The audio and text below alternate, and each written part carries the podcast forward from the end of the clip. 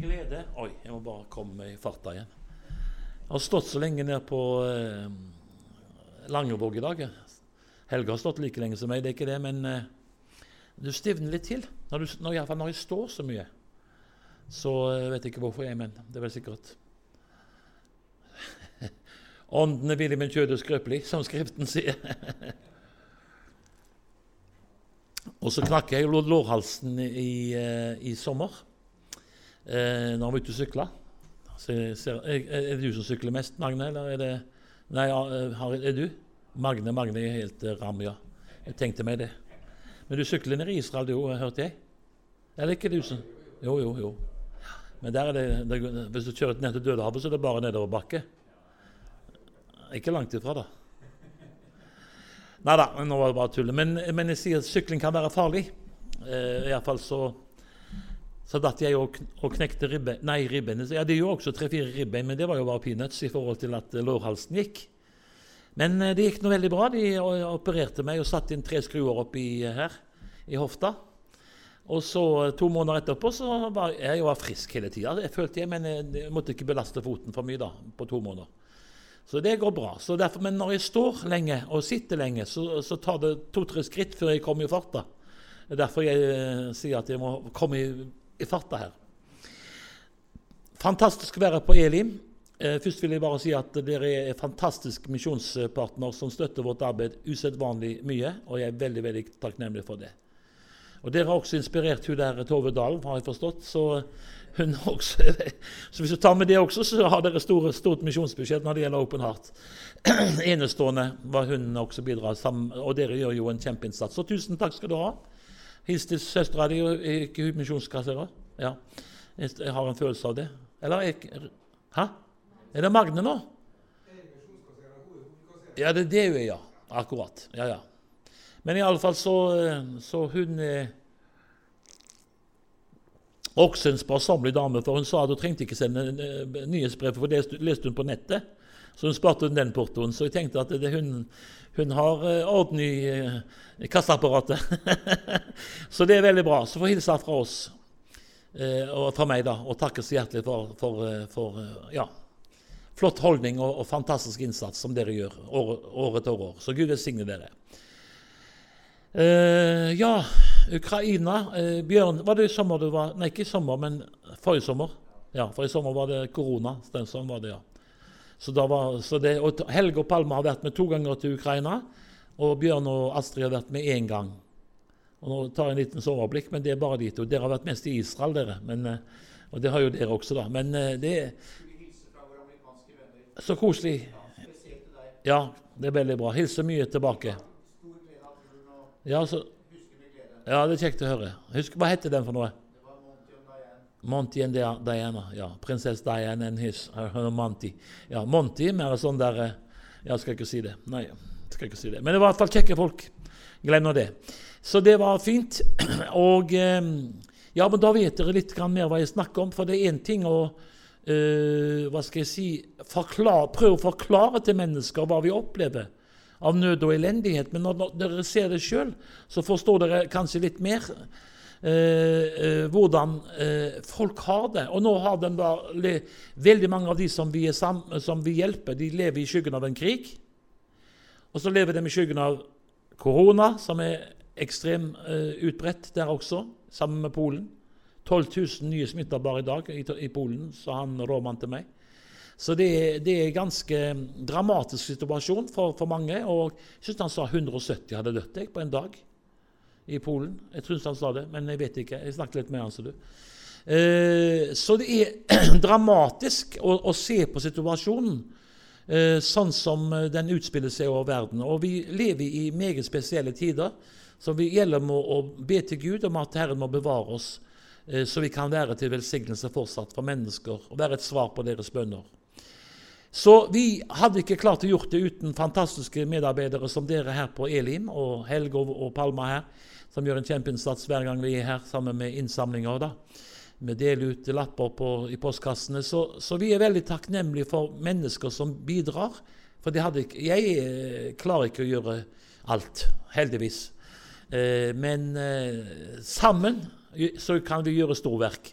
Er det noen som sier. Og det er sant at det er et sånt vidunderlig Herren sier at vi er Guds medarbeidere, og vi er Kristi medarbeidere. Og Paulus, han, Paulus sier at vi, at vi, som kristne er andre, hverandres eh, medarbeidere. Så vi, det er ikke one man show, men det er fellesskap og løfte i flokk og gjøre en innsats. Så det er herlig å synge her eh, om Guds trofasthet. Den sang de på møtet i går også. Og eh, det, ja, det er sant. Gud er trofast. Eh, og det er jo fint med å synge gamle sanger også, for, fordi at eh, da står det i min bibel at vi skal tale til hverandre med salmer og sanger og åndelige viser. Eh, nå i dag så er det bare lovsang, og det er fint med lovsang, ikke misforstå. Men ikke, Bibelen sier ikke bare lovsang, at vi skal bare synge oppover. Men vi skal også synge under vårt hjerte for Herren. Men det står at vi skal tale til hverandre med salmer og sanger og åndelige viser. Så, så jeg blir iallfall velsigna når jeg hører disse gamle sangene, for det betyr eh, Det er et budskap som, som kommer til mitt hjerte. Det er helt sant, det. Eh, før vi skulle til Bergen, så eh, var det like sånn eh, mas om korona. Så jeg var engstelig for det. Det er ikke noe koselig når, det, når du holder på med altså du jobber i offentlighet sant, eller står med trailer og du har møter og alt dette her. Så, så tenker du på det. Det er jo det er, uh, Jeg sier av og til at øh, jeg tror ikke presse og, og media forstår egentlig hva alt de spyr mot oss. Jeg sier ikke ikke skal informere, men jeg tenker på eldre mennesker. De må bli livredde. Jeg hørte om en dame som hadde ikke gått ut på uh, åtte måneder, for hun var, var så redd for, uh, for, det med korona. Og jeg forstår det, men altså av og til så kan vi nesten troen komme av hørelsen, men jammen kommer vantroen av hørelsen også. Og sykdomspreiket kan også komme. Du kan jo tro at du Ja, ikke sant? Så, så det kan bli litt vel mye av det der, for det er jo eneste som fokuseres på. Eh, og så, videre. så da var jeg litt engstelig. Eller litt sånn eh, bekymra, da. Og da, en morgen så lå jeg oppe i senga eh, hjemme rett før Bergen. Og så, og så da sa jeg til Gud at uh, hvordan må hjelpe, og, må tale og hjelpe meg. Og, og du ser, jeg bare inderlig til Gud. og, da, og da hørte jeg en sang i mitt hjerte. Eh, og eh, den velsigna meg så mye at jeg kjente Amen, det går til seier. Og den eh, er jo en gammel, god sang. Den, den, eh, eh, den, sang vi mye før, men vi synger nesten aldri mer kanskje nå til dags i menigheten. Men jeg søkte den opp på YouTube, og der var det hun eh, eh, Irene, Hva heter det for noe? Irene, Marit og Irene. De sang den sangen. Og, og, og, jeg ble, hørte på den, og den ble så en stor velsignelse for meg bare å høre den. For jeg kunne jo uh, den fra før, men, men, uh, men, altså jeg kjente wow, hvor godt det er at Gud kan tale til vårt hjerte med sanger. Du leste en sang som hadde talt til deg. Det var en, en, en, sang av David. Men vi kan oppleve at de sangene som Gud har gitt til mennesker som, som et budskap til deres hjerte, det, det, det formidles noe vår, når vi hører dem. For vi kjenner at Gud taler til oss gjennom sanger. Og Det var den gamle, gode sangen at Gud, Gud skal bevare deg hvor du enn går, han hos deg står. Gud skal bevare deg. Gud skal bevare deg, sang vi på, eh, når jeg var nyfrelst i Haugesund. Husker du den sangen? Den, eh, de sang litt annerledes stemme, at Gud skal ja, ta hånd om deg. noe sånt. Men det betyr ingenting. Det er jo i samme budskapet. Så det er deilig å, å kunne hvile i dette her, at i alt som skjer i den tiden som vi lever, så kan vi stole på Jesus. Hun der er Unni du snakket om, som dere ba for, er det noe som jeg kjenner? Jeg tilhører menigheten her. Hva heter hun for noe? Unni Overvold? Ja, hvor gammel Randi?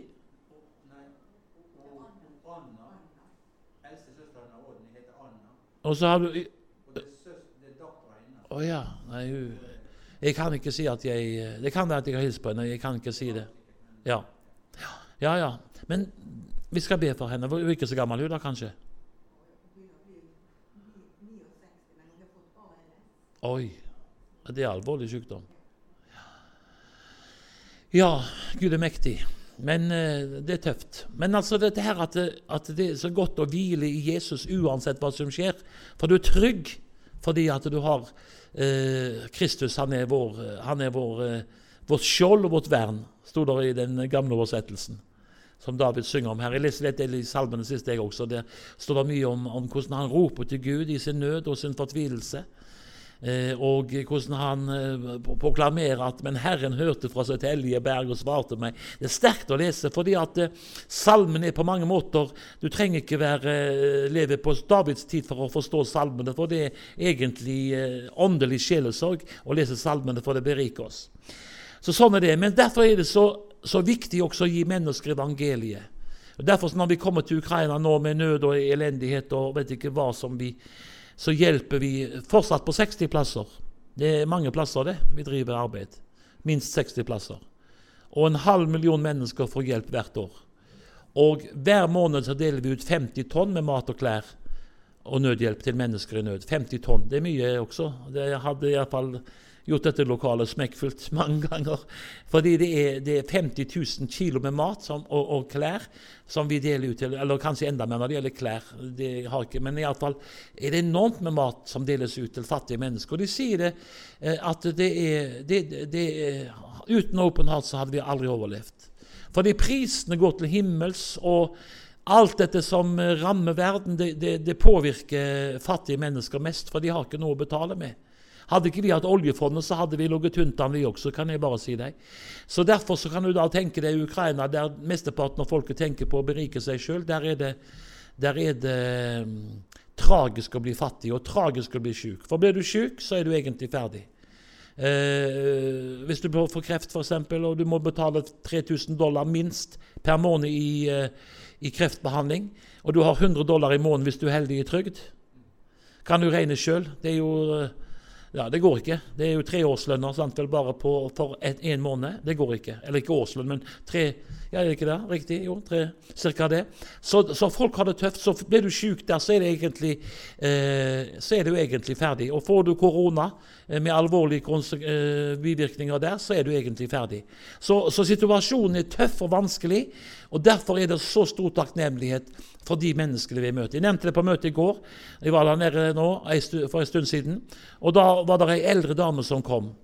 Eh, og jeg syns det er så typisk, for hun er, både utfordringene både med, med, med, med krig og og med fattigdom. Hun kom til meg da, og jeg så hun, hun han sto og spurte og pekte mot meg, så jeg forsto at de snakket om meg. Og så Det var noe greit nok. Og så kom hun fram da når jo, det var Halvor Hasløy. Han spurte han om det var meg som var Halvor Hasløy. Jo, det var meg. Så jeg gikk eh, da, sto der, og så kom hun fram. Og jeg så hun myste sånn, for hun hadde veldig dårlig syn. Og hadde noe sånn eh, forferdelig tjukke briller. Sånn, jeg eh, vet ikke om det er konkav eller konvaks, eller hva det heter, men sånne briller som altså, er tjukke der ute, og så er de tynne mot midten. Og så, ja. Hun, og, og, så sto hun da og myste. Disse brillene var eldgamle, det så jeg også. For den ene brillen eh, eh, Er det armen det heter? Briller, ja, Den var knekt. Så den, brillene hang på skeive, så hun sto og kikka på meg da, eh, og lurte på om det var Halvor Hasløy. Så ja, det er Halvor Hasløy. Og da sa hun til meg at eh, ja, sa hun, jeg ville bare så gjerne hørt om deg og gjerne takke deg, for du har berga livet på meg og på mine tre nydelige barnebarn. Så sier jeg, for disse her er, er mine. Ja, er det ikke mor og far da, sa jeg. Eh, jo, men de var drept i krigen. Så da var det ei eldre bestemor da, som hadde fått tre barnebarn. Ny, var veldig pene barn. Nydelige barn å se på. Og da hadde hun fått dem lagt i, i, i sine hender fordi krigen hadde tatt mor og far. Og så hadde hun ikke mer enn kanskje 100 dollar Eh, i, i måneden. Og når hun skulle betale eh, leie av det skuren bodde i, og, og strøm og gass og varme hvis de hadde noe sånt, eh, så var hun altså hun var allerede i minus før uh, måneden hadde begynt. Så det var tragisk å tenke på. Og så, så spør jeg henne uh, hvor, hvor bor du hen? Jo, da hadde hun gått 15 km på beina sammen med tre barnebarn for å komme til den plassen der vi ga mat. Og da skulle hun gå også 15 km tilbake, og jeg tenkte stakkars dame. Og så spurte jeg henne hva hun trengte. Hun trengte egentlig alt. Om vi hadde dyner? Ja, det har vi. Det skal du få seg. Dyner fikk hun, hun fikk matpakker og skoleransler om vi hadde det. ja det, Og sko til barna, eller barnebarna. Jo, det hadde vi. Så når hun gikk derifra, så var hun som et nedlessa pakkesel. Ja, men Det er helt sant. Hun var så nedlessa. Jeg tenkte at kan du bære dette her? For jeg sa, Men heldigvis var dynene de lå da aks og stua på toppen, derfor de var lettest. Eh, og så bar hun, og så hun sleit og så videre. Og så kunne hun gå da. Så jeg tror vi betalte noe penger så hun kunne ta eh, sånn eh, rutetaxi, som det kalles på mindre busser, som går. Så det situasjonen, Og hun var så takknemlig vet du, og kyssa meg så det kveinete både her og der. Jeg vil jo si det at det er ei uke i Ukraina da vi kysser inn i hele ekteskapet til sammen. Det er uh, saftige greier. Si. Av og til så, så Men det, så, det, er bare fordi at de har ikke noe Det er jo deres tradisjon da, å kysse på, det er heldigvis på kinnet. Kommer det bort de skikkelig gamle pinsevenner, så kysser de dem midt på munnen også. Og det, det er ikke akkurat uh, Colgate-kyss, kan jeg love deg. Det kan være uh, så ymse, men det får vi heller legge til sides. Men det er ikke akkurat noe attraksjon, det, nei.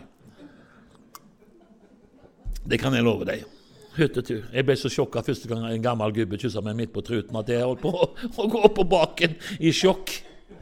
Og Jeg spurte hvorfor han gjorde det, og da sa de 'Because we love you, brother'. og da sa jeg OK, OK, but not, not second time. Not, ikke, ikke, gang nummer to. Så, så det, det, ja, det er saftige saker. Eh, men takknemligheten er så stor, og dem er så veldig, veldig Og nå, altså jeg vet ikke om du så på, Hvis du følger på Facebook, så ser du at vi, nå har det vært en vanvittig brann inne i, Lukansk-området. og Det er sikkert krigen som har tent i brann. og Tusenvis med mål av, har brent, og flere hundre hus har brent ned til, eh, til grunne. Eh, det ligger på Facebook hvis du vil. Og, og, Det er tragisk å se. og Oppi alt dette her så syns jeg av og til det kan bli litt for mye av nød og elendighet. Men men jeg husker en gang jeg spurte Gud når jeg var trøtt og sliten, som du kan bli av og til, for vi bor jo i en kropp. Det er ikke bare ånd. Det var, det var Daniel som bare hadde ånd. Du vet det at Daniel bare hadde ånd? For når han ble kasta i løvehullet, så står det at neste morgen så regnet det med at han var oppspist, men når han ropte ned, så var han, eh, så var han fortsatt levende. Og da spurte, Så sier folk ja, hvordan kunne det skje? Jo, men det var jo fordi når løvene snuste på han, så sa de her er det ikke kjøtt, her er det bare ånd. For han bar, han bar, jo bare til Gud. Han var jo en sånn, han spiste jo nesten bare urter og, og fin mat. Og han, vet du, så han, han spiste jo ikke kostelig mat og drakk ikke vin. Så var, det, var ikke, det var ikke noe kjøtt der. Eh, det var bare ånd. Derfor har de ikke spist ham opp. Ikke vet jeg. Men det var jo en sånn kuriositet. da. Kanskje ikke riktig, men du forstår meg riktig når jeg sier det. Men jeg bor i en kropp, så av og til er jeg sliten. Forferdelig sliten. Og da sa jeg til Gud en gang jeg var der nede, hvorfor må jeg være her år etter år måned etter måned? Og hvorfor må vi jobbe sånn som vi gjør? Og da hørte jeg Den hellige ånd si til meg, fordi det finnes så mange mennesker som ber, så trenger jeg mer enn mennesker som vil ha bønnesvar. Jeg trenger mennesker som kan være et svar på andre menneskers bønn. Og det er jo egentlig det som vi er kalt til som kristne. Jesus, eller Herren sa til Abraham 'Jeg vil velsigne deg og gjøre deg til en velsignelse'. Så det er jo viktig at vi kan bety en forskjell med vårt liv. Det, det, det, det må jeg si at, eh, at, jeg ønsker at mitt liv skal uh, vitnes om den dagen jeg forlater denne verden. At hvis det ikke skjer ved bortrykkelse, da, men hvis det skjer på naturlig vis, så vil jeg gjerne høre det at eh, han var til stor velsignelse for mange mennesker. Og Det er det vi er kalt til å være, til en, til en velsignelse. Og det kan vi gjøre på mange måter, skal jeg ikke gå inn på. Så arbeidet i Ukraina går på plass. Den går for, for fullt. 60 plasser. Eh, Nadia administrerer fortsatt. Eh, og sjåførene kjører. og vi må Husk på å be for oss, virkelig at vi trenger det. så at uh, Vi må komme gjennom denne, denne, aksjonen her, og så skal vi ha en liten aksjon eller uh, aksjon i Haugesund neste uke. Så ber jeg at Gud må velsigne slik at det blir til velsignelse, og at vi slipper problematikk og utfordringer, men at det kan lykkes for, for Jesu Kristi navns skyld. Det, det trenger vi hele tida. Så husk, Jeg vet at dere ber, derfor sier jeg husk på å be for oss at det må lykkes i vårt arbeid. For det, det er ikke alt som er shakabahaya og går på skinner. Det kan være en del eh, som kjøttelse blood, sweat and tears. Det kan være en del utfordringer også i livet, som du sa. Men Gud er trofast. Halleluja. Det, det er vårt vitnesbyrd. Dette var bare på ett fylke som vi jobber. Vi jobber på mange fylker.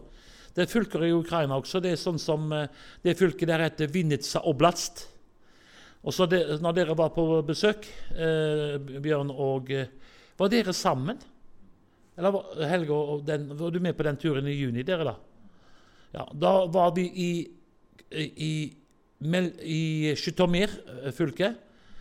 Eh, og i Korosten, Skytomir, eh, Vinica tipper vi var i Vinica. Så var vi i, eh, i eh, Korostitsjev og sånn. Men altså, fylker, der jobber vi. På 60 plasser jobber vi i mange fylker. Og, og, og distribuere og drive rehabiliteringssenter for narkomane og, og, alkoholikere. Og veldig mange av de barna de har vokst opp i en sånn tragedie så det går ikke an å snakke om nesten offentlig. Med misbruk og elendighet og krangler og bråk og, og og ja. Jeg husker ei jente som bestemora kom, hun var helt sånn tynn. Jeg ser henne for meg. Hun var fra Skytomir. Og da hadde altså eh, denne jentungen sett sin egen mor drepe sin egen far med øks. Og, han, og hun havna i fengsel, og faren døde. Og, beste, nei, og, Det var ikke noen bestemor, for hun var død, men det var oldemora som kom med den lille ungen og spurte om vi kunne ta oss av ham. Så du vet at det er sånn baktepper og sånn mørke som er så ufattelig at av og til så kan du tenke i ditt stille sinn at, at det går an. Så, men det, dessverre går det an. Og det er der vi er kalt, eh, til, eller, eh, kalt til å skape et lys i mørket og håp i håpløshet. Så det som dere er med på, det er egentlig mye større enn dere fatter. Jeg husker når dere var der, Bjørn og eh, Helge og Palma, den, så hadde vi et stort møte på en første var vi hadde, på en søndag hadde vi et stort møte på en stadion i Kodosten. Veldig sterkt. Gud, og du vet at det, det, var jo veldig bra at det var eh, eh, Det var vel en eh, hvor mange, 4000-5000, jeg husker ikke hvor mange som var på det møtet. Det var ganske mange tusen iallfall. Men det som også var, det var ikke bare dem som hørte. Men de hadde jo ikke lånt noe høyttaleranlegg som blåste ørevoksen ut av øra på, på enhver som satt uh, i nærheten. Og hele byen hørte jo dette her, ikke sant? Så det var jo det var ikke bare at det var stadionmøte, men det var friluftsmøte samtidig. Vi evangeliserte hele byen med de svære høyttalerne. Vi hadde jo tillatelse fra ordføreren, da, så det gikk jo bra. Men husker du det der vitnesbyrdet? Jeg bare tenkte på det her med at Gud er mektig, altså. Altså, Hvor, hvor, hvor Gud er forunderlig. Da, da, hadde, da, da hadde vi ei dame der, og dattera som kom eh, på det møtet og vitna. For jeg hadde hatt et møte året før. Og Året før så hadde jeg møtt også det på den stadion og prekt evangeliet. Og mens dem da For det er kraftige høyttalere, det kan jeg love deg. altså. Hvis noen klager på høy lyd i Norge, så er det bare, det er bare peanuts i forhold til hva de blåser på med noen vanvittige høyttalere. Men nå skal du høre. Da hadde dem vært på markedet som lå lenger nede i gata, altså basaren, som det kalles for. Og så går, De kom fra en landsby, og så hadde de brukt søndagen til å kjøre et buss til byen. og Så skulle de handle på basaren og skulle kjøre hjem. Og så går de da forbi på gata og hører det der veldige spetakkelet som var. For de forsto ikke hva dette her var, med lovsang og, og, og preiking. Så da hadde den gått, gått, gått tenkte, Og så sa mora hva er dette her for noe? Ja, la oss gå inn og se. Så gikk de inn porten på stadion. Den lå jo rett der ved, ved, ved veien der. Og da så de at, da sto jeg på talerstolen og prekte evangeliet, og, og vet ikke hva jeg eh, prekte om, men så innbød til forbønn. Og da kom de fram og ble frelst. Så de kom fra basaren. På vei hjem kom de inn på uh, stadionmøtet og ble frelst. Og så hadde jeg sagt hvis du er syk, så kan vi be for deg. Og da de som vil ha, eh, bli forbønn Jeg kan jo ikke gå inn og be for Det ikke Svein Magne Pedersen, jeg, ser du. For det hadde jeg ikke orka levd, for han ber jo for alle med håndspåleggelse. Det klarer ikke jeg, altså. Så jeg ber masse bønn. Jeg kan ikke be for alle, tusenvis av mennesker. Så, så da eh, ba jeg for dem. De, denne jenta, hun hadde kreft under foten. Så hun hadde et åpent sår som, som, da var veldig smertefullt, og som ikke de kunne gjøre noe med. Og så ba jeg. Og jeg visste ikke hva som altså Det som er det vidunderlige, det er ikke meg som regisserer verken møtene eller øh, frelse eller, øh, eller, helbredelse. Det er Gud. Så hadde, mens vi ba, da, så rørte Gud ved henne, foten hennes og tørka inn hele kreften. Så når hun øh, kom hjem, da det her, Hun tenkte ikke på det sjøl. For etter et par dager så sa mora 'Hvordan går det med foten din?' 'Nei, jeg har ikke vondt på foten, og jeg går på den, så du ikke det?' Jo, men det kan jo ikke stemme. Du har jo, har jo kreft. Ja, men få se foten din, da. Og så hadde, mor, hadde hun vist den, den, eh, foten som hun hadde kreft på. Og den var frisk. Det var ikke bare at det, hele, det var ikke et merke engang etter kreften. Og da hadde mora smelt til, fortalte hun til meg, da, klaska og sagt 'Må du ikke lyve for meg?' For du, nå viser du meg feil fot, for å bli så irritert på at du løy. Kom og vis meg den andre foten, så jeg får se den som er, er sjuk. Når hun viste begge beina, så så hun at det var ingen kreft i det hele tatt. Hun hadde blitt momentant helbreda og var på det møtet og vitna om helbredelsen året etterpå. Og, og hvordan hadde, de var tilhørte menigheten der i Korosten. Så det skjer. Vi må ikke miste troa på at Gud hører bønn og er mektig til å gjøre mer enn alt, langt utover hva vi forstår og ber om. Amen. Halleluja. Derfor må vi aldri miste motet. For Jeg vil bare sitere det eh, skriftstedet mot slutten av vårt møte som står i, i 2. kongebok eh, 6. Eh, du kjenner denne, denne, beretningen der fra 2. kongebok 6. Eh, frykt ikke for de som er med oss, er flere enn de som er med dem. Vet du hvilken beretning jeg snakker om? Det er jo da, da profeten ble omringa i Dotan, ikke sant? Og han tenkte, og Gehazi han var jo en liten smarting, han, men han, han, han, var styrt av det menneskelige. Når han åpna vinduet på morgenen og så at hele byen var omringet av syrer her, så sa han å, å min herre, dette her kommer til å gå helt galt. Nå er vi ferdig. For Guds, nei, ikke Gud, men eh, eh syrerkongen solgte hele hæren sin, for han trodde at det var en spion som spionerte på han. For alt det som han snakket om på sitt hemmelige rom for, med sine eh, generaler, det visste eh, Israels konge. Og Han sa 'Hvordan kan det skje? Hver gang skjer det.'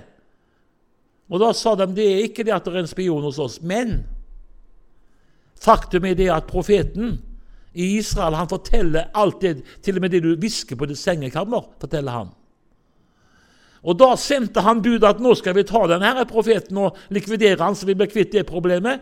Og sendte hele hæren sin som omringa byen. Og han sa nå er det ute med oss, sa uh, Gehazi, profetens dreng. Men Herrens, uh, herrens tjener, altså Elisha, han sa, 'Herre, åpne drengens øyne, så han må få se'. Og Så åpna Herren øynene på han, og da så han at fjellet, overalt på fjellet rundt den byen, var der, eh, var der, eh, var der eh, eh Jeg skal nå lese hva det står. Da åpnet Herren eh, øynene til den unge tjeneren, og han så overalt rundt eh, Elisha var fjellet fullt av hester og vogner av ild. Tenk på det, du. Han kalles for Herren Sebaot. Herren som er eh, veldig i strid. Han hadde sendt eh, hestene og vognene sine, og sikkert en del engler også som styrte dem, ikke vet jeg. Men du vet det er altså mange, mange ting som sier at, at Elisha for til himmels med, med, med, vogner av, eh, eh med hest, vogner av, hester og vogner av ild. Så sier folk at det var, kan jo ikke stemme. Men Herren han, han visste hvordan det var oppe i stratosfæren. han vet du. Han visste at når du sender opp folk der med, med astronauter og kosmonauter som har kresset rundt i skyen, så er det så kaldt der at de må ligge med noen vanvittige kledninger for ikke å fryse i hjel. For så kaldt det. Men når Herren rykte Elishas hjem, Elias hjem, så sørga han for at det var så oppvarma vogn at den bare cruiset gjennom alle, eh, alle laga utover der, og kulden forsvant for vogner, eh, hester og vogner av ild for Og du vet at sånn som Karl Øst synger Vi skal fara bortom månen, vi skal fara bortom mass. Vi skal fara gjennom stjernehimmelen, bort i veldig hast. Vi skal fara hem til Jesus, han som er vår beste venn. Vi skal fara enda inn i himmelen. Halleluja. Då behøves ei raketter, Sputnik ei nødvendig er. Når de frelste lemner jorden er det Andens kraft som bær. Astronauter, kosmonauter som har kretsat rundt i skyn, de skal stå der med forundring over dette store syn. Halleluja. Det er herlig, vet du. Så vi skal den der vi også, men her leste du altså om hele fjellet var fullt med hester og vogner av ild. Og så sier profeten, 'Frykt ikke, for de som er med oss, er flere enn de som er med dem.' Han sa ikke det, det at de som er med oss, er flere enn dem. Men han talte om den åndelige verdens virkelighet. var det han gjorde. De som er med oss, er flere enn de som er med dem. Hva hadde han snakket om? At den krigen profeten visste uh, var viktigst, det var krigen i åndens verden. Og der hadde profeten og, og, og, han hadde flere på sin side enn de som var på fiendens side. Gud er alltid i flertall, ikke sant? Det står at en tredjedel av englene falt sammen med, med Lucifer, med Satan. Altså at to tredjedeler er fortsatt på Guds side. Så vi, vi, vinner bare på flertallet. Halleluja! Nå er det jo veldig spennende hvem som får flertall i Amerika, da, men det skal vi ikke gå inn på her. Men det er jo veldig diskusjoner nå, på, og, og, jeg sier det til Helge og Palma det, det, Jeg har ikke møtt én norsk journalist som har noe godt å si om han der stakkars Trump. De demoniserer han hver eneste dag, og det er klart han er jo litt spesiell, da. Eh, det kan jo sies, da. Men, men altså, det må jo være ga, noe som er eh, At ikke folk reagerer på det. Det er ikke én ting han har gjort godt. Men det er jo ikke sant.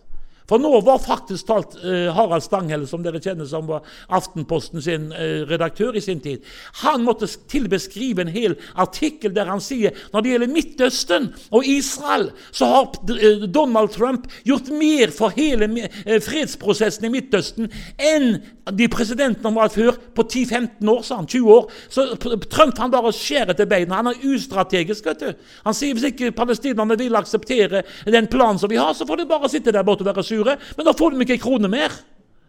Og Nå har også disse arabiske landene begynt å si de begynte å bli lei av den tutinga til Abbasen. vet du. For det er jo bare han og sønnene som tar alle penger og putter i lomma, akkurat som Arafat gjorde. Det er jo kjeltringstreker à la Grande. Og det skal jo Norge og Erna Ja, vi må jo støtte dem, ja. Ja, Jammen så jeg smør. Det var litt politisk innlegg her, men det er sant, det jeg sier. De er så dumme i huet at de skulle nesten bedt for dem i kirka. vet du. Så dumme er de når de gir penger til disse kjeltringene der nede i Israel. Er det ikke sant? Nei, ikke Israel, men i Palestina-området. Det går rett i korrupsjon. Samme som i Ukraina. Rett i korrupsjon. Men ok, vi vinner på flertallet. Det var det jeg prøvde å si. Det gikk en, en liten omvei der. Men vi vinner på flertallet. Og så har vi noe som er mer enn flertallet. vet du for noe? Jesu fullbrakte verk på Golgata. Det er det som er Altså, i dette vinner vi mer enn seier ved Han som elsker oss, sier Paulus. Tenk at vi har, vi har Guds flertall på vår side, og vi har Jesu fullbrakte verk på korset på seg. De har seiret over ham i kraft av lammets blod og det ord som de vitnet. Så den åndelige verden, den regnet profeten med. Ikke sant? Vi må alltid regne med den åndelige verdens virkelighet. For ellers så hadde bønnene våre vært meningsløse. Hører du hva jeg sier? Hadde det ikke vært for den åndelige verdens virkelighet, så hadde ikke bønnene gått mer enn til taket. Men vi vet jo, vi, som du så fint ba her eh, Rodny og Arvid Nå kom det. At, at de samler seg gullskåler. Du ba om det. Altså, den åndelige verden er virkelig. Når vi ber i Jesu navn, så virker Gud. Det er det som er fantastisk å tenke på. Og våre bønner har, utgjør en forskjell, selv om ikke vi kan føle på det. Eh, det er helt sant, det. Du nevnte han, jeg skal ikke ta den, men han store barn nede i Venezia, han og, og kona. Og barn, var det, var det, tre barn du har, eh, Bjørn? Jeg husker, Du vet det sjøl. Det er godt du vet det. Jeg husker Jeg har ikke oversikt, men jeg husker du hadde iallfall uh, uh, to døtre og en gutt. Er det det? Ja. Kan du jeg er ikke så gammel som jeg ser ut. Men eh, så han ba jo da i, i Venezia at han måtte treffe noen som hadde penger, og der plutselig dukka jeg opp. Rett, han hadde ikke mer enn bedt, så var jeg på plassen der. Halleluja. Og de spurte kan du låne oss noen få kroner. Hun var så beskjeden. Astrid sa kanskje 100 euro er nok. Så sier jeg her er det ikke nok med 100 euro. Da er det så dyrt. For jeg hadde vært nede på Markusplassen og kjøpt en kopp kaffe og et glass vann, eller en flaske vann, og det var 200 kroner. Jeg holdt på å få hjerteinfarkt på de sa, Og så sa jeg her må du minst ha 200 hvis du skal komme deg Men du må ikke finne på å gå på Markedsplassen, sa til Bjørn og Astrid. Men, men de, de, fikk låne 200, kroner, 200 euro hos meg, og de kom seg eh, til Var det Sveits der lå oppi? Eller ja, en eller annen plass oppi der? Fysen var det. Og det er så langt opp du kjørte? Ja, ja, men glem det. Men i alle fall, det var ikke det viktigste hvor du bodde, men der kom dere videre fordi at Gud, Gud hørte bønn. Altså Hadde du bare stått der og bedt til intet, så hadde ingenting skjedd. Men fordi at vi, når vi ber, så, så, så, så da står det at vi skal gå inn i vårt lønndom til Han som er i lønndom, og som ser i lønndom, og som hører i lønndom. Og Han skal lønne oss i det åpenbare. Det er er en connection, som det heter på engelsk ikke sant? Det er, en, det er en forbindelse mellom Guds verden og våre bønner. Helt sant. Her for uh, en stund siden nå Jeg begynner å forstå at jeg begynte å bli litt voksen. For her i mitt hjerte så er jeg bare en liten Jeg føler meg så ung og sprek i hjertet. og Når jeg kommer i fartdag, så blir det jo veldig bra. Sant? Så, helt ærlig så jeg tenker på at Eh, folk sier 64 og hva er det han snakker om? Altså det, men, men, for hjertet så føler jeg at det ikke er mer enn 25 år. Jeg er sprek som en ungfole. Men så så jeg på TV her, og da tenkte jeg i alle dager hvor svær og, og, og tjukk du har blitt, og hvor Ikke meg, da, men, men han som jeg så på TV. Det er litt stygt å si det, men han er ikke her, så, det, så det, jeg kan si det.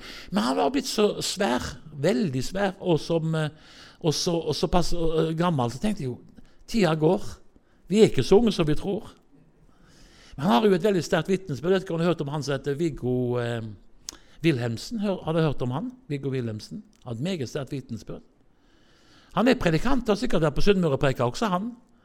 Eh, men, men, du vet at han var kaptein, han, på sjøen. Og hadde, som han sa, piger, vin og sang. Det var det altså hans liv bestod av. Han var en ungkar og spillemann. Men mor, hun ba. Men han hadde ikke behov for Gud. Reiste på de syv hav og, og, og, tjente penger og levde det såkalte livet, men det er jo dødens vei. Så kom han, kom han hjem, men som han sa, etter hvert så kom depresjonen på han. Og Så kom han hjem, og så sier mora til han, 'Vil du ikke ta imot Jesus?' Viggo, nei, det kan du bare glemme. Ja, ja, så Når du reiser ut igjen nå, så legger jeg iallfall Nytestamentet opp i uh, kofferten din. Så hvis du er i nød, så vet du hvor det er svar. 'Slutt å mase, mamma. Det hjelper ikke allikevel.' Men hun ba. Og så sa han, men depresjonen bare kom dypere og dypere på ham. Og en kveld han sto på, eh, sto på eh, skulle gå av vakt, så hadde han bestemt seg. Han, ville, han orka ikke å leve mer.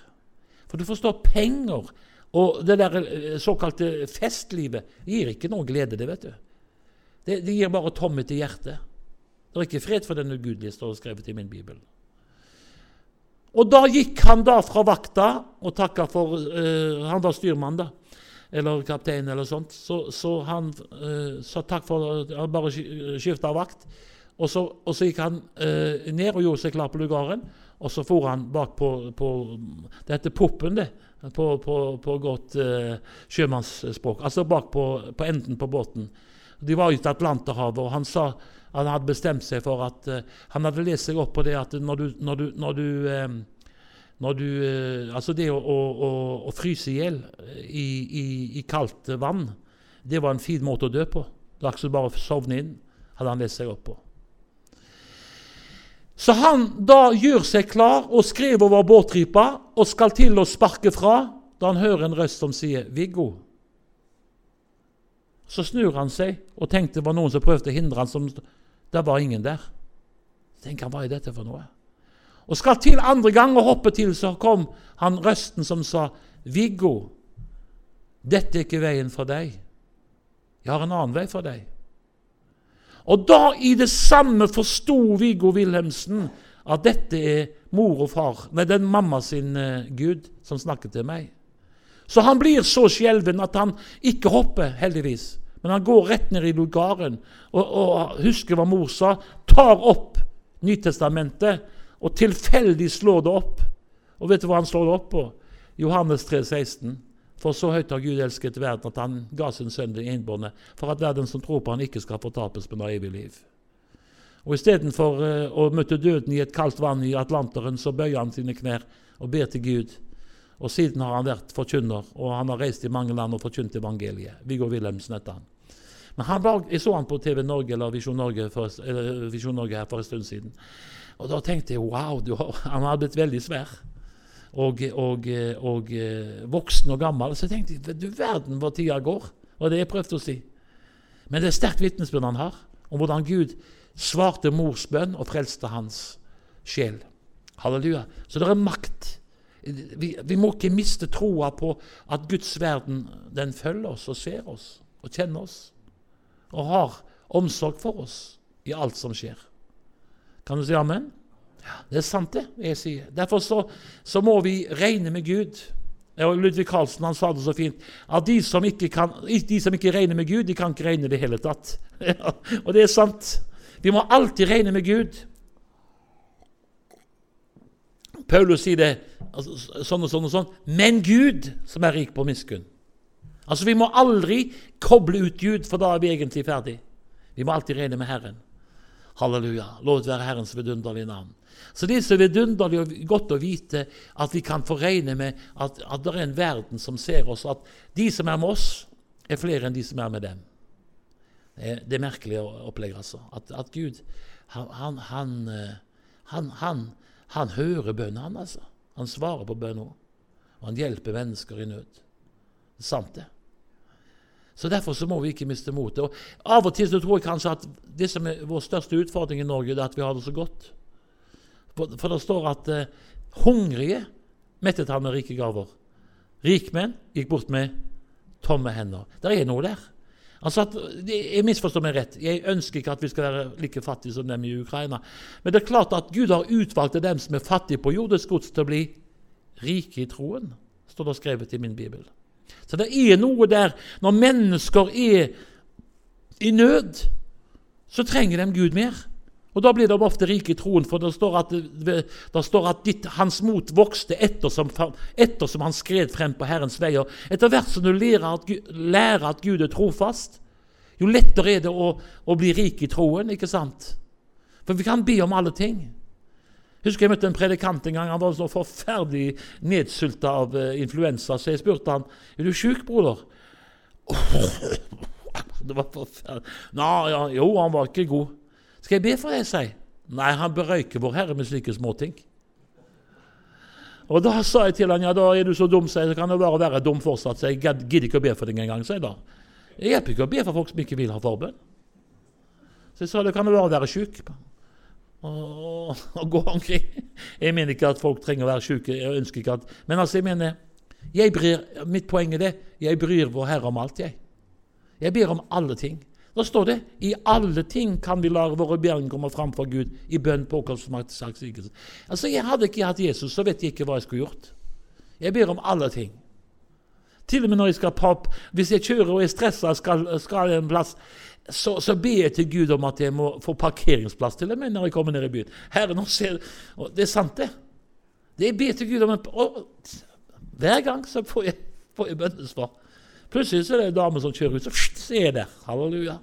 Så du kan, altså du kan si ja, men du, du verden hvor enfoldig du er. Men hvorfor ikke være en, en Det står at hvis ikke vi som barn, så kan vi ikke oppleve Guds rikes rikdom.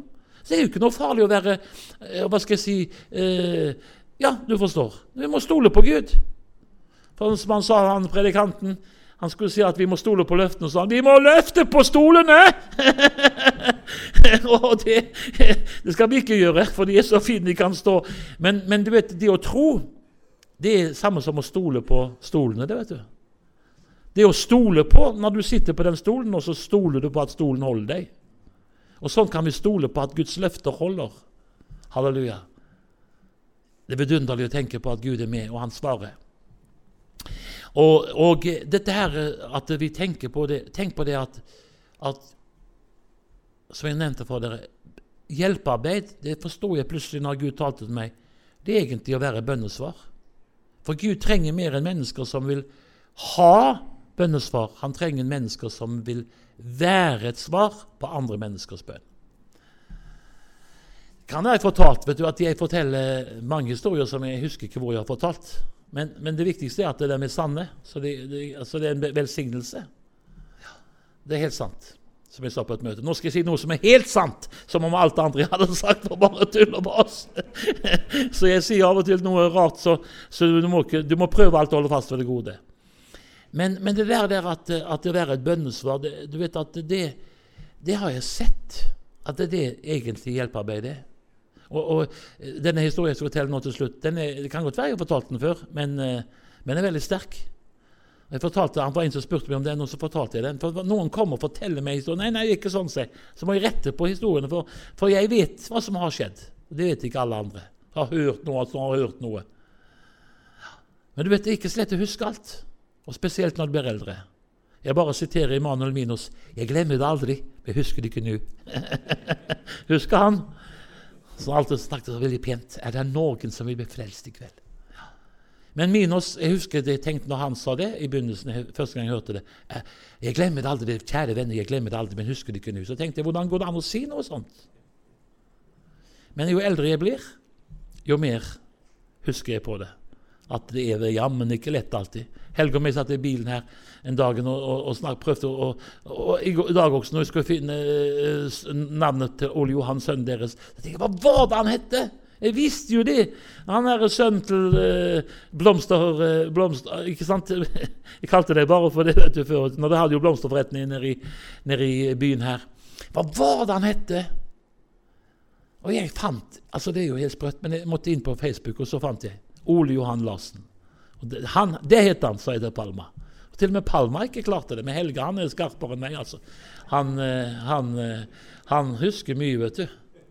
Så det er helt sant. Han, eh, han er flink.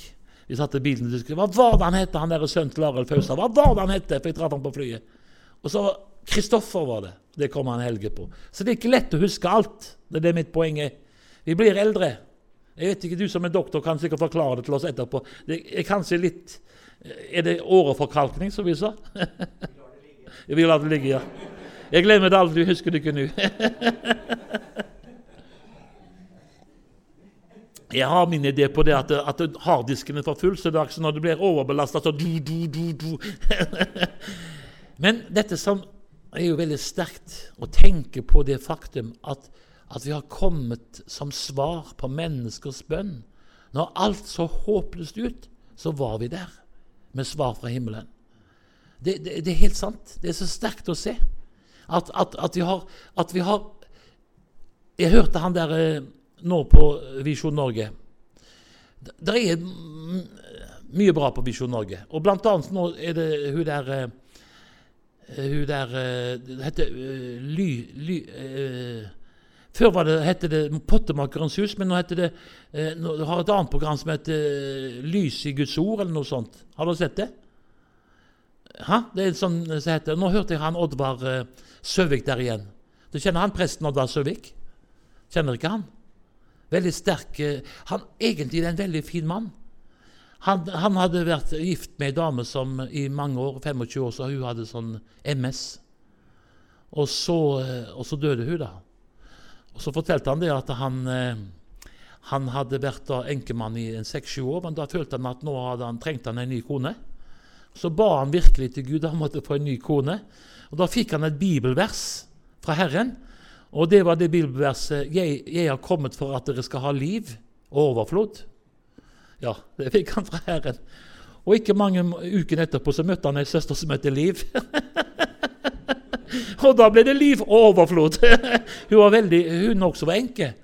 Og han var jo enkemann da, så de fant hverandre, og de fikk eh, fått et rikt liv sammen. Men han forteller også dette, her, hvor viktig det der er bønnesvar.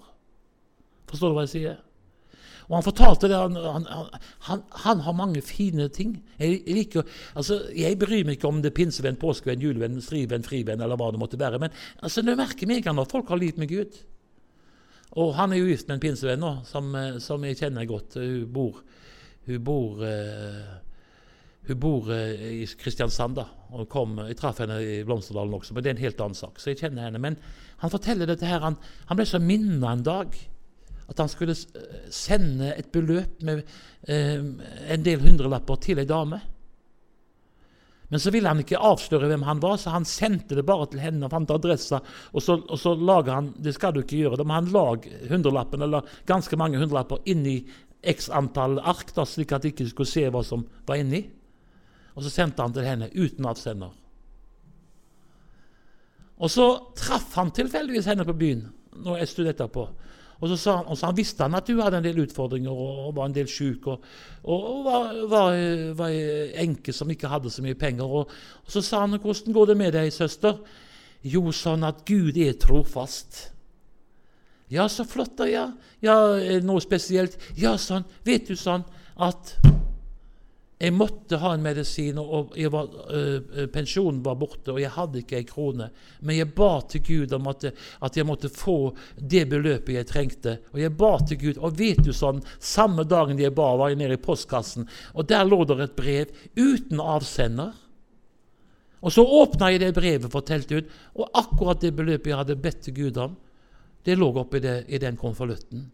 Så nå ønsker jeg å møte han, men det var jo ikke noe. Skulle takke han at Gud måtte velsigne han rikelig tilbake. Og da svarte han Oddvar til henne ja, det har han sikkert gjort.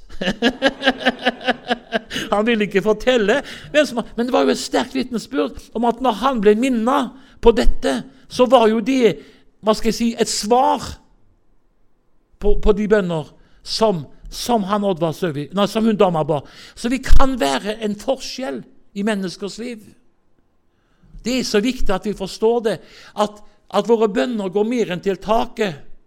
Han hører, og han ser, og han svarer.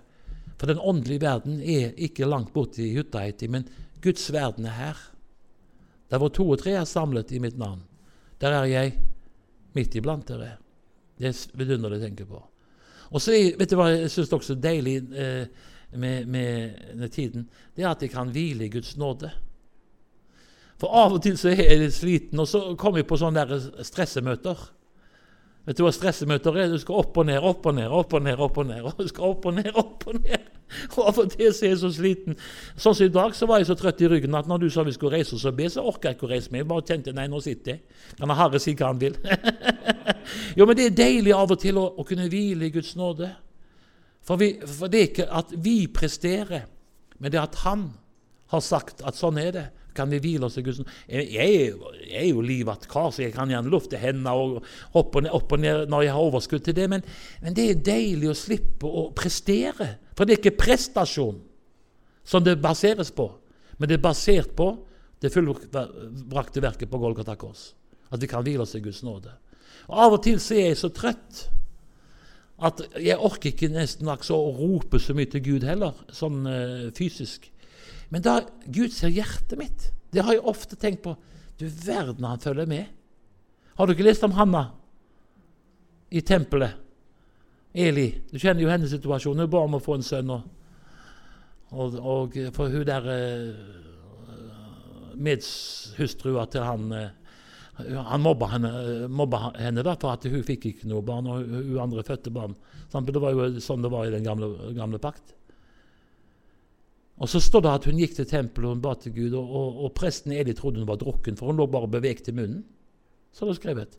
Han sa det må ikke gå drukken i Herrens hus. Skulle han si som lot sønnene holde på som villstyringer, men det er en helt annen sak.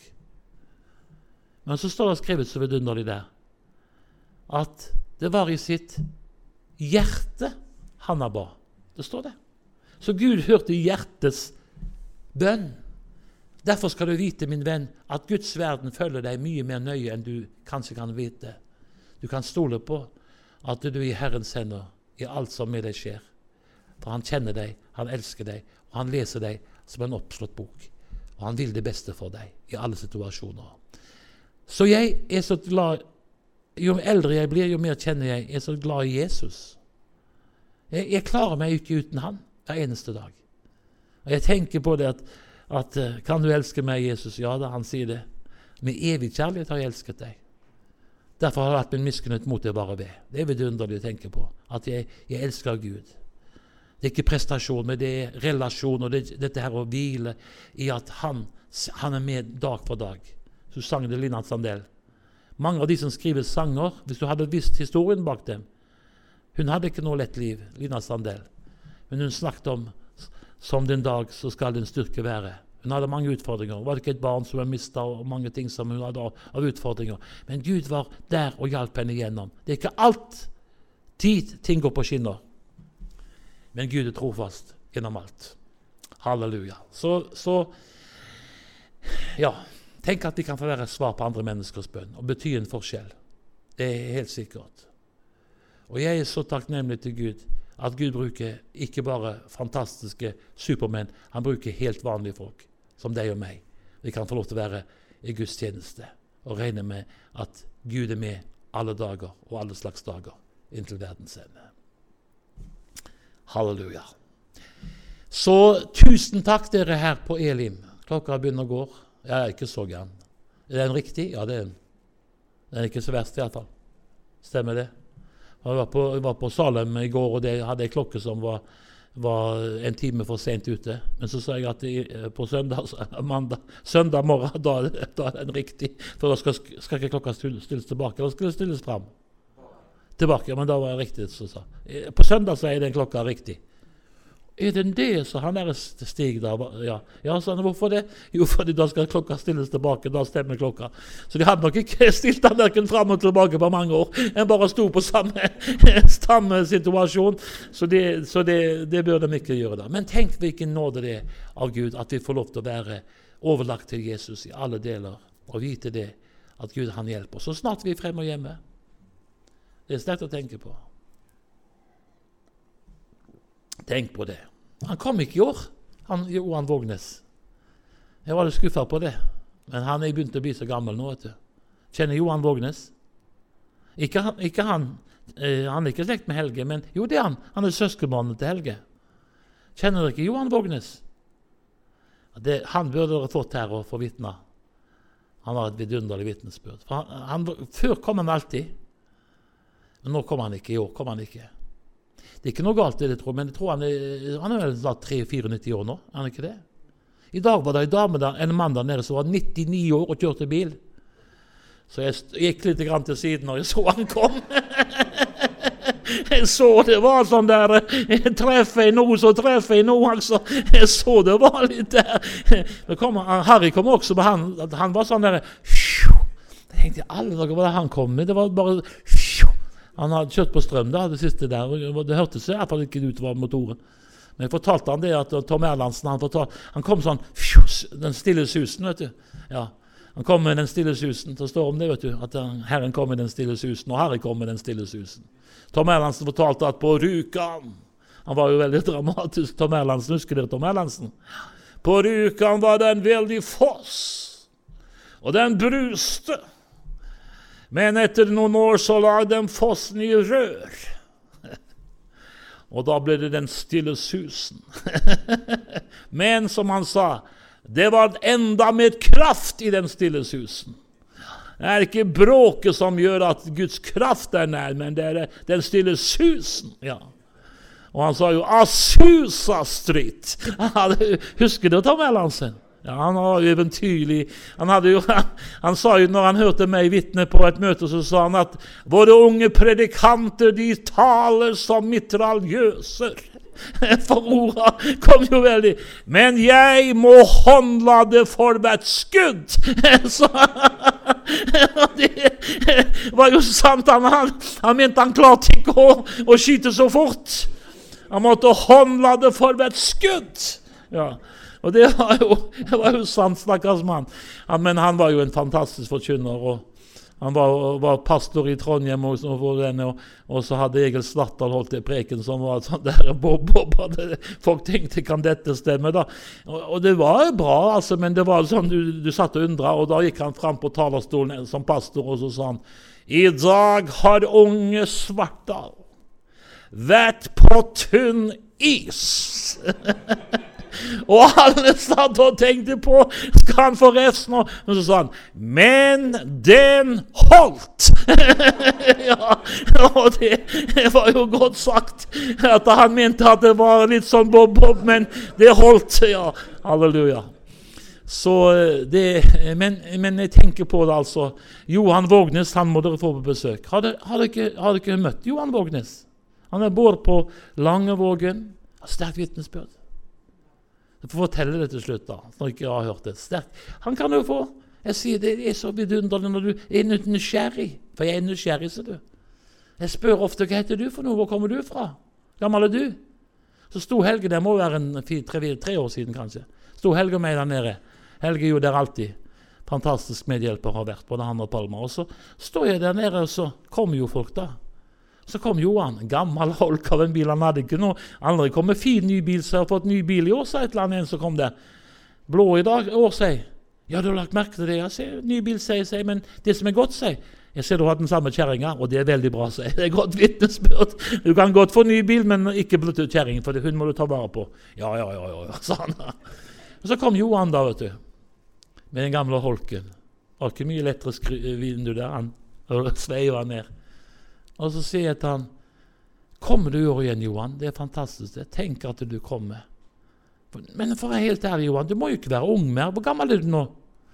Og så smilte han, og han hadde sånne der, eh, tenner som var gullbelagt. Forstår du hva jeg mener? At han sånn rissa inn.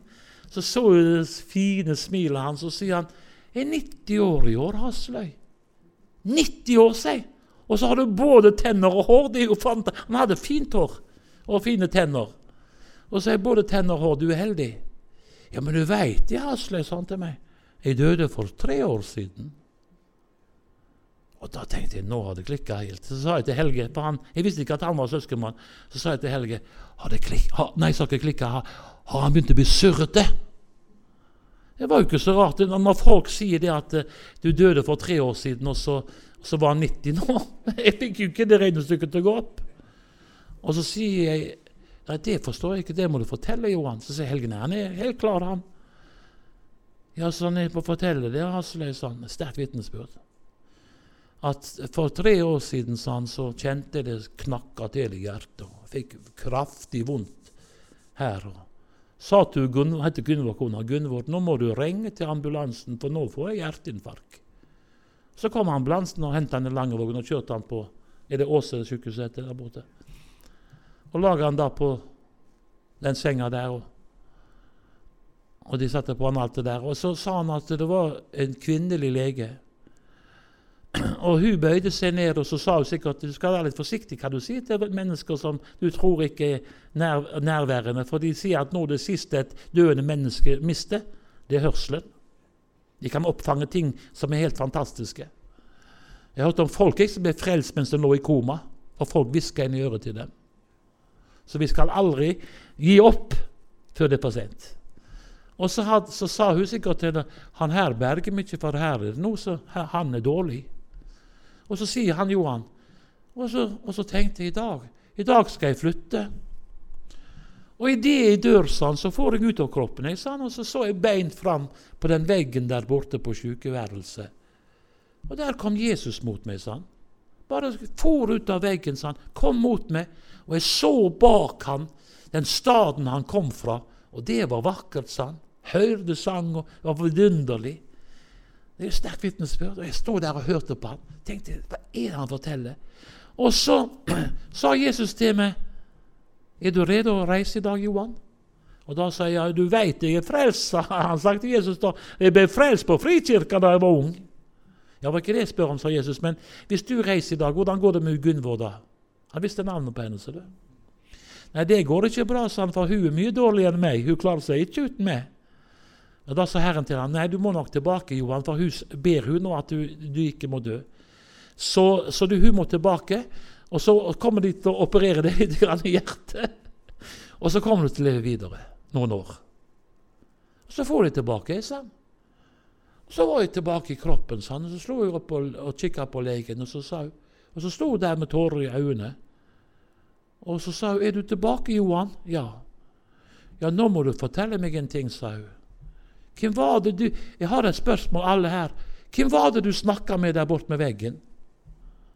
Hørte du det? sa han til henne. Ja, det hører vi. Det var Jesus, det. Og vi forsto det, sa hun.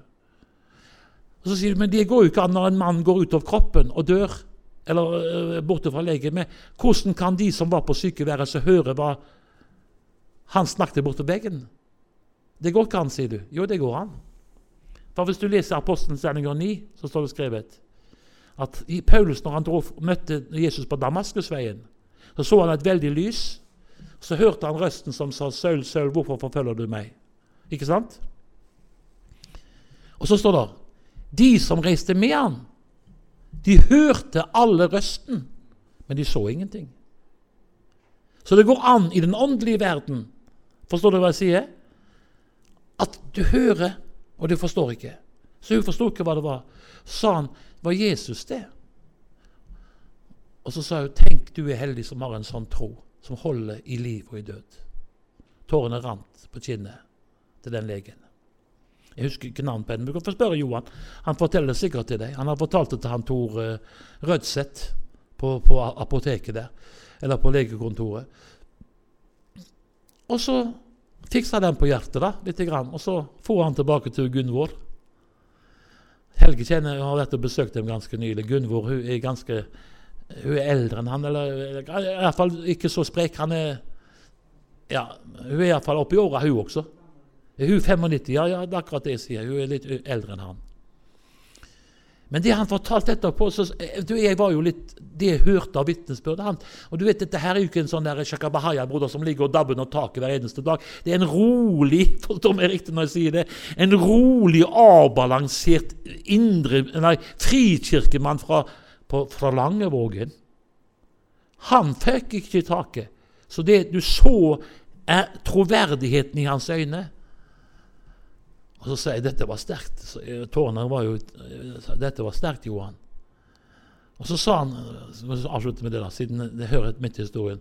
Så sier, jeg, så sier jeg dette var sterkt. Dette her er så sterkt at det er sjelden jeg hører noe sånt. Han så inn i staden. Han møtte Jesus. Og for tilbake. Og bor på Langevågen fortsatt. Og så skal du høre, så sier han Men Jesus kom tilbake, han Hasseløy. Kom han tilbake, sier jeg. Ja. Ikke så lenge etterpå sånn, så, så var jeg ute Jeg tror han har et verksted, stemmer ikke det? Der han var ute i verkstedet og pusla. Han drev med bilverksted. Var det ikke det verkstedet du overtok? Jo, Helge overtok verkstedet. Han holdt på å pusle med biler. Det er flere som pusler med biler. Vi skal ikke nevne navn på det. Men i alle fall, så, så, så holdt han på der. Og plutselig sa han Så, så snudde jeg meg, og der var Jesus, sa han. Er du tilbake, sa han til, du, eh, til Jesus. Ja, sa Jesus. Ja, er det du vil nå? hadde han sagt da. Da hadde Jesus sagt til ham, sist jeg var hos deg, da trengte du meg, men i dag trenger jeg deg. Kan du hjelpe meg, Johan? Ja, det er klart jeg kan det, hadde Johan sagt. Jeg vil gjerne hjelpe deg, Jesus, men hva kan jeg gjøre for det?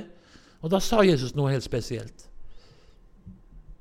Det er en stor vekkelse i, det, i Afrika, i den muslimske verden. Tusenvis av studenter ble frelst. Og Han hadde nevnt navnet på den plassen også, men det kan jeg ikke svare deg på, for det må spørre Johan om. Og de roper til meg om at de må få, de må få mitt ord, men det er ingen som, i det landet som, vil, som, vil, som kan hjelpe dem. Men nå fins det tre mennesker, så hadde Herren sagt. Tre uh, men, unge mennesker oppe på Åse. Til ungdom i oppdrag. De har noe sånn disippelskolegreier der. De vil reise, men de har ikke penger. Så kan du være så snill å hjelpe meg, Johan, og betale dette beløpet, sa Jesus, inn til der og skrive at det er til de som skal til Afrika og til muslimske verden. Ja, det skal jeg gjøre, sa Johan Vågnes med en gang jeg kommer. Med en gang skal jeg gjøre det. Og så gjorde han det. Satte, sendte det beløpet Gud, Jesus hadde sagt, og, og som eh, han skrev til de som skal til Afrika og forkynne Guds ord i den muslimske verden. Så gikk det kanskje ei ukes tid, noe sånt. Fikk han brev fra den der uh, ungdom i oppdragsfolka, og så sto det Johan Vågnes. For han hadde sendt da, Når du sender postanvisning, så kommer jo adressa di også. Johan Vågnes, tusen takk for at du i forrige uke sendte støtte til dem som skal til Afrika. Og vi vil bare si til deg at akkurat det beløpet de ba til Gud om å få for å betale flyreise og reise, det var det beløpet du satte inn på konto. Så jeg vil bare takke deg for at du var lydig når Gud talte. Og da sa jeg til han Johan Oi, oi, oi, si. Dette var sterkt, si. Nå, nå, tror jeg at vi må, vi må slutte, si. Nå kommer det så mye folk her som skal gi klær. Men dette griper meg langt inn i hjerterota, Johan. Takk for du delte med meg. Ja, det var fint i Asløy, sa han. Så klemte vi hverandre. Så reiste han. Og siden har jeg ikke sett han dere har sett han da, men han har ikke kommet så mye ofte. Sikkert koronaproblematikk og alt dette her. Halleluja. Tenk det, du. At Guds trofasthet er mye mer reell enn de kan fatte. Ja, Ikke sant? Den åndelige verden er ikke langt borte. Ja. De som er med oss, er flere enn de som er med dem. Nå skal jeg slutte, og nå har jeg slutta. Skal vi bøye våre hoder og være i bønn innenfor Guds åsyn. Takk for dere hørte på meg. Selv om jeg var trøtt og sliten, så fikk dere iallfall vridd det siste safta ut av sitrona. Tenk hvilken trofast Gud vi har. Takk, Jesus.